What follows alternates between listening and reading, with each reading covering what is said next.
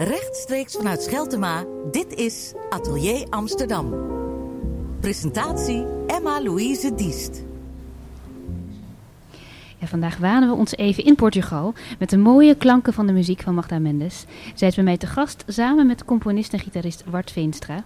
De Fado, het Portugese levenslied, brengen zij samen ook in ons nuchtere Nederland tot leven. Ja, welkom beiden.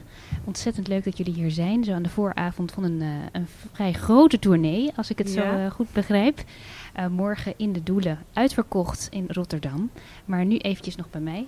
Wat leuk dat jullie hier zijn. Ja, we vinden het ook heel leuk. Zeker, dankjewel. Ja, dit is, uh, jullie gaan, als ik het goed uitspreek, Oliveiras. Heel goed, dat is perfect. Dat is het uh, nieuwe programma waar jullie mee gaan toeren. En daarmee um, verlaat je je geboortestad, als ik het goed begrijp. En, ga, en trekken we het platteland in van Portugal. Ja, en dat is uh, zowel geografisch ook als muzikaal. Want de, het lied van de lied, het lied van Lissabon is Fado. Uh, en we gaan dus naar het platteland waar een andere soort muziek wordt gemaakt. En waar ik gelukkig uh, heel vaak was uh, bij mijn geboortedorpen van mijn ouders. Um, en dus ik heb daar heel vaak muziek gemaakt en muziek geluisterd. daar ja, geïnspireerd door die tradities en ook uh, in de hoop om al die dingen die ik mis dichter bij mij te, te hebben in Nederland, heb ik uh, liedjes geschreven over die plekken en die mensen. Ja, want je woont al een, een geruime tijd in Nederland. Ja, 16 jaar. Ja, dat is, dat is niet heel even. Nee. Uh, maar toch op een gegeven moment begon, begon die heimwee een beetje aan je te trekken, toch weer? Nou, ik, ik zou meer zeggen dat de heimwee de hele tijd er was. En, uh, maar het, uh, misschien was meer pijnlijk in het begin en, uh, nu niet meer. ook omdat ik een combinatie, ik heb een heel mooie combi kunnen vinden van hier zijn en de beste van mijn leven hier te kunnen halen. en en, en de, het, ja, de wereld van mensen en plekken die ik mis naar mij toe te brengen. Dus in die zin is de heimwee minder geworden, zeg maar. Maar als we het dan vergelijken, het werk wat je nu hebt gemaakt en het werk wat je eerst maakte in het begin, dat was dus echt de Vado zoals we dat kennen. En nu trekken we het platteland in en krijgt het een ander, is het een ander soort lied van het land. Waar liggen die verschillen? Als je dat aan iemand die dat eigenlijk niet zoveel van weet, hoe kunnen we dat herkennen?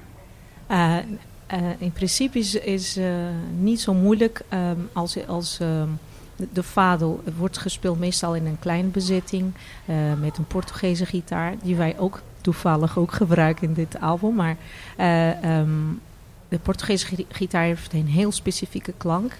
En uh, dan akoestisch gitaar en soms, ook bas. Um, maar dan heb je één zangeres en het is, ja, het is vrij traditioneel. De, de, het koordschema is heel, typisch. Um, en de manier van zingen is heel uh, karakteristiek. Dus daar heb je heel veel um, mm, ornamenten. En dat maakt Fado heel herkenbaar. De, de Portugese gitaar, ik zou zeggen de Portugese gitaar en de ornamenten in de zang. Zeg ik het goed, Waard? Ja, nu, nu beschrijf je de, de Fado van Lissabon. En de muziek van, de, van het platteland, dat, dat hebben we wat, wat minder puristisch genomen. Daar hebben we een beetje onze vrij, uh, fantasie de vrije loop gelaten. Dus dat is niet een soort wetenschappelijke studie naar uh, die muziek. Helemaal niet. We hebben gewoon... Ik ben daar met Magda ook geweest om, omdat we haar eerste cd ook op het platteland hebben opgenomen. Die ging dan niet specifiek over het platteland, maar wel over haar moeder en de familie. En ja, dat heeft, heeft ons gewoon een beetje beïnvloed qua sferen en zo die daar zijn. Niet eens muzikaal, maar meer gewoon de sfeer van het leven daar. En daar ja, hebben we ik wilde ons, eigenlijk ook ons inderdaad laten vragen. Waar, waar, je hebt jezelf heel vrij, veel vrijheid gegeven om dit te maken. Of jullie hebben ook elkaar veel vrijheid gegeven. Hoe vertaalt dat zich in die muziek? Waar hoor je dat? Bij de laatste CD van Magda vooral in de bezetting. Want dat, die bestaat uit, een, uh, uit percussie, ik op gitaar en Magda op zang. En, en een uh, blazers, klein blazersensemble. En dat, is, uh, ja, dat komt eigenlijk meer voort uit de klassieke muziek. En dat is eigenlijk meer iets Europees en iets ouder dan al die stijlen. In mijn optiek kan je daar altijd uit putten, uit die klassieke wereld. Omdat die sowieso ja, componisten zich vroeger ook lieten inspireren door verre landen. En waar ze soms niet eens geweest zijn. Weet je. Die vrijheid hebben wij eigenlijk ook genomen om eh, iets te creëren. Maar jullie zijn ook echt uh, naar Portugal gegaan om daar inspiratie op te doen. Nou, de, Magda wilde haar eerste cd, dus dat is al een tijdje geleden. Tien jaar uh, geleden al. Tien jaar geleden bijna, ja. Wilde ze dicht, dicht bij huis, of de, in een gebied opnemen wat, wat, ze kende. Op die manier heb ik het eigenlijk leren kennen. En toen snapte ik wel wat ze bedoelde.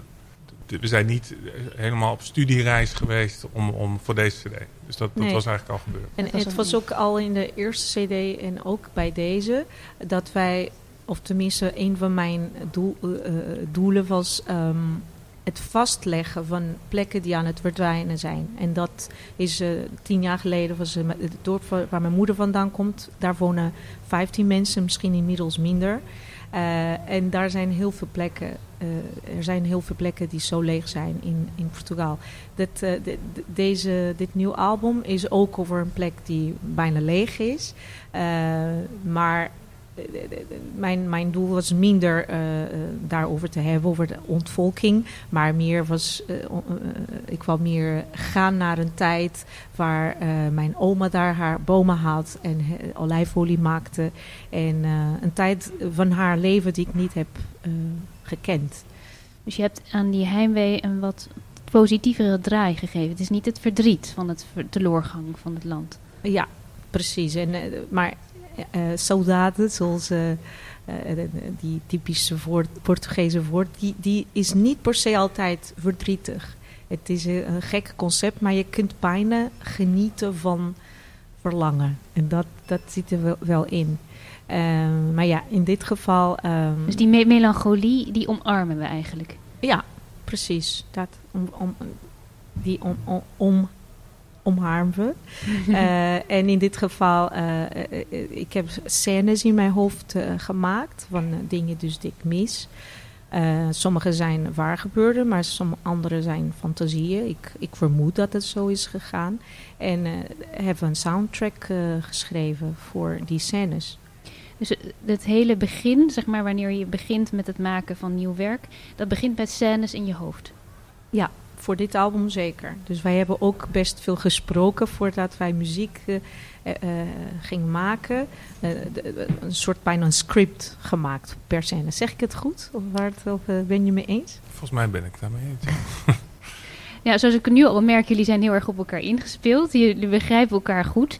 Maar ik neem aan dat dat niet zomaar gekomen is. Dat moet ook een beetje groeien. Hoe is dat bij jullie gegaan? Ehm, wij hebben elkaar op een he- hele, in een hele andere context ontmoet. Namelijk via een DJ. Die eh, vond Magda heel mooi Braziliaans zingen. En die DJ werkte bij mij eh, in de studio. En ik heb een studio hier in Amsterdam. Eh, wij hebben toen dingen samen gemaakt. En op een gegeven moment was dat project af. En toen, of dat duurde eigenlijk heel lang. En dat was nog net niet af. En toen zei Magda, die sloeg met de vuist op tafel. En die zei van, ik wil nu mijn eigen cd maken. Dit duurt allemaal veel te lang. Dus toen hebben we... Het om- zuidelijke temperament even naar Precies. boven. en dat was die cd waar we, waarvoor we naar Portugal zijn gegaan. Maar sorry dat ik jou eh, onderbreek, maar ik zei dat omdat de, de samenwerking mij zo beviel. Ik vond het heel eh, prettig om met jou samen te werken, want ik werkte met andere mensen. En ik vond het heel, heel fijn en eh, effectief. En ik, ik, ik dacht al dat je mij snapte. Maar oké, ga verder. Ja, en toen, toen eh, in Portugal, toen, toen, toen snapte ik ook waarom ze dat daar wilden doen. En dat heeft ook heel erg invloed op mij gehad. Dat ik, dat ik het leven hier in Nederland ineens allemaal heel... eh, ja, carrière gericht en met geld en iPads en telefoons en eh, social media en zo. En dat was daar helemaal niet. Heel Dat- oppervlakkig misschien. ja, het is gewoon. Materialistisch. Materialistisch, ja. En, en daar ging het gewoon, dan bracht het, haar tante bracht haar een verse kaas ochtends voor het ontbijt. En s'avonds er kwam er iemand met net gemaakte wijn aan. En dat was allemaal heel armoedig, maar ook weer heel rijk. En, en dat heeft mij helemaal het, eh, ja, een andere richting opgestuurd, ook muzikaal. Juist die, dat contrast van dat armoedige misschien, of dat simpele moet ik misschien, minimalistische, en dat rijke tegelijk. Ja, ja gewoon heel, eh, dat, dat, dat, dat, een soort leven van vroeger. Wat, wat, eh, ook in Nederland gewoon bijna niet meer te vinden is. Dat vond ik heel mooi om te zien. Nee, maar uiteindelijk zijn jullie wel teruggegaan naar Nederland. Daar zijn we natuurlijk heel erg blij mee. Maar dat is toch ook wel een bewuste keuze dat je niet blijft in Portugal. Wacht, hoe, was dat, hoe is dat voor jou? Want je bent, um, je bent uiteindelijk wel naar Nederland gekomen en gebleven. En we hebben het over Portugal, maar er komt een soort symbiose tussen die twee landen. Horen we dat ook in de muziek, dat we ook ergens Nederland horen?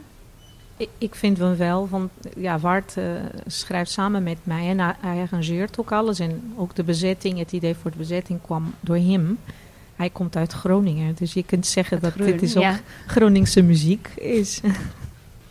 Dat weet ik niet, maar ik, ik, uh, het is meer zo wat ik net zei, dat ik, dat ik als soort buitenstaander probeer daar net als een regisseur in Amerika, of een uh, Paul Verhoeven in, in Amerika een film gaat maken en dan heel anders tegen Amerika aankijkt dan een Amerikaan. Dat vind ik een heel interessant gegeven. Dat je het soort vanuit een hele andere blik naar die cultuur kijkt. En dat gewoon zonder al te veel uh, ballast. Maar van... het is misschien ook wel een moeilijke vraag hoor. Maar waar zou je in de muziek. Want je brengt altijd iets van jezelf mee. En dat is dan dus die andere blik, waar, wat je net noemde. Maar kan je die herkennen in de muziek die jullie nu gemaakt hebben? Ja, dat vind ik wel lastig om daar zelf over te hebben. Maar in principe zitten daar gewoon alle invloeden in uh, die, die ik, waar ik naar geluisterd heb en waar Magda naar geluisterd heeft. Nou, ik denk dat zelfs in onze Fado CD, we hebben ook een, een, tussen die eerste tien jaar geleden, in 2015, hebben we de klassiekers van de Fado opgenomen. Um, met z'n tweeën, zonder andere instrumenten. En zelfs daar hoor ik heel, heel erg jouw, uh, ja, jouw manier van denken en jouw manier van arrangeren. Met hoe jij dat uh, aangepakt hebt. Dus ik, ik, ik, hoor ook vaak mensen zeggen: Oh, dit, je hoort de, de samenwerking van jullie in de drie albums die wij hebben gemaakt. Dat een soort van eigen klank, eigen stijl is ontstaan.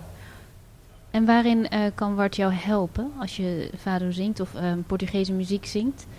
Het heeft natuurlijk heel veel emotie, maar misschien helpt hij je ook om. Uh, waar komt het tegenwicht? Um, Oeh. ik, ik, ik vind heel fijn dat Wart. hij is eigenlijk, als ik het mag zeggen, heel rationeel. Hij weet veel. maar dan kan hij ook dat echt combineren of hij kan echt uh, ook begrijpen wat, wat ik bedoel. Uh, als ik over een scène heb, uh, hij kan zich, zich daar plaatsen en hij kan dat vertalen in een klank. En dat vind ik heel mooi en heel prettig. dus het is niet alleen maar kennis, maar dat komt uiteindelijk, wordt heel, heel organisch in mijn ogen. Heeft het je ook verrast op sommige punten? Ja, zeker, altijd met alle uh, bezettingen. Uh, ja, nou, in dit laatste album ik kwam met het idee van de, deze bezetting, die ik in het begin niet begreep en niet per se meteen heel makkelijk vond. Wat begreep je niet? Um, ik begreep niet hoe, hoe dat uh, zou gecombineerd kunnen worden met mijn muziek, uh, met, met mijn stem en met wat ik wou doen. Dus die vijf blazers. Um, Was je bang dat je um, dat je niet genoeg vrijheid zou krijgen. Dat. En, en, en ik vond het te, te ver van wat ik meestal doe, meestal met die akoestische instrumenten. Uh, uiteindelijk ben ik super blij dat hij uh, dat gezegd heeft en dat we dat gedaan hebben. En wat heeft dat aan bijgedragen aan jouw muziek? Dat je dus ondersteund bent door wat meer mensen. Maakt dat jouw muziek aanzienlijk anders? Ja, eh, nou, ten eerste is het een geweldig gevoel om op podium te, te zingen met, met zo'n band achter mij. Wij spelen ook dezelfde liedjes soms zonder de blazers, dus dat kunnen we ook doen. Maar als ze daar zijn, uh, het is al, al is echt zo'n fantastisch uh, gevoel. het is uh, ja, heel klassiek, maar dan de kern van de band, ik waard, dus de gitarist en de percussie, zijn meer vrij. En dat spelen we ook heel vaak samen. Dus die vrijheid komt dan uit de kern. En, en je wordt als het ware gedragen door de muziek. Ja, helemaal. Ja. Het is echt heel, heel fijn om te doen. En je bent heel erg bezig geweest met omgeving, om die in je, in je muziek te verwerken. Wat doet dan de omgeving van een, bijvoorbeeld een concertzaal of een plek waar je speelt met elkaar voor de muziek? Theaters zijn, zijn wel vaak nou ja, die, lijken wel, die zijn op een bepaalde manier gebouwd. En, en die, soort, die hebben een soort uniform, uh, soort akoestische regels die, waar ze aan moeten voldoen. Zo. Maar We spelen ook wel eens in, in kerken en, uh, kleinere zalen. En die, en die hebben akoestisch gewoon een hele andere effect op de instrumenten. Dus ik ben, als, ik, als wij in een middelgroot kerkje spelen, dan klinkt mijn gitaar altijd direct uh, alsof het er drie zijn. Weet je wel? Veel groter, een mooie galm. En dat is nu met, met deze blazers ook heel duidelijk. Dat is eigenlijk, merk je dat meest met akoestische instrumenten, die gaan echt soort opbloeien op plekken waar ze vroeger al gebruikt werden. Weet je wel? Alsof, alsof die architectuur, maar dat heb je met koring natuurlijk ook heel erg met kerken. Die zijn vaak met galm uh, eigenlijk gemaakt voor de koormuziek. En dat merken we hier ook. Dat, dat soms dat dan, dan, dan, ja, dan wordt het veel groter dan het eigenlijk is. En dan werkt zo'n zo'n zaal echt heel erg mee. Ja, zo'n soort cadeautje. Ja, absoluut. ja, het is natuurlijk ook iets waar je rekening mee moet houden. Meer facetten. Als je met z'n tweeën speelt, eh, moet je elkaar steeds aankijken. Je bent met elkaar bezig. Maar nu heb je allemaal elementen erbij. Is dat soms ook moeilijk? Ik vind het, ik vind het een... Uh, ik, ik, heb die arrangementen gemaakt. Ik heb ze uitgeprint. En ze spelen gewoon precies wat, wat ik bedoelde. Dus voor mij is het heel, uh, heel ontspannen eigenlijk. En de, het is ook ontspannender dan met, met z'n drieën. Want ja, dan ben ik de enige, uh, enige muzikant die de akkoorden speelt. En hier ja, dan heb je een hele soort bos van geluid om je heen. En dat, dat is, ik vind het best Het zit goed in elkaar. Het is goed in elkaar gezet, als ik het zo hoor. Nou ja, ik, ik ben, ze spelen gewoon zoals ik het ja. bedoeld heb. En dat, dat is heel fijn als je zingt natuurlijk, je, je stopt er ook heel veel gevoel in. Dat is ook met gitaar spelen natuurlijk. Maar bij jou heeft het ook echt heel veel te maken met waar je vandaan komt. En eigen herinneringen en persoonlijke ontwikkeling. Kan het je soms ook echt uh, raken, wat je dan niet, uh, wat je niet voor ogen had voordat je begon? Zeker. Sommige van de liedjes die wij nu spelen. in het begin kon ik uh, bijna niet dat zingen zonder dat ik een brok in mijn keel kreeg. Het was, ja, sommige teksten, werd, één tekst werd geschreven door mijn moeder. de andere gaat over de, de, reis in de tijd van mijn vader, die als jonge man naar Lissabon verhuisde. En dat, dat later in zijn leven terug naar zijn bomen reist.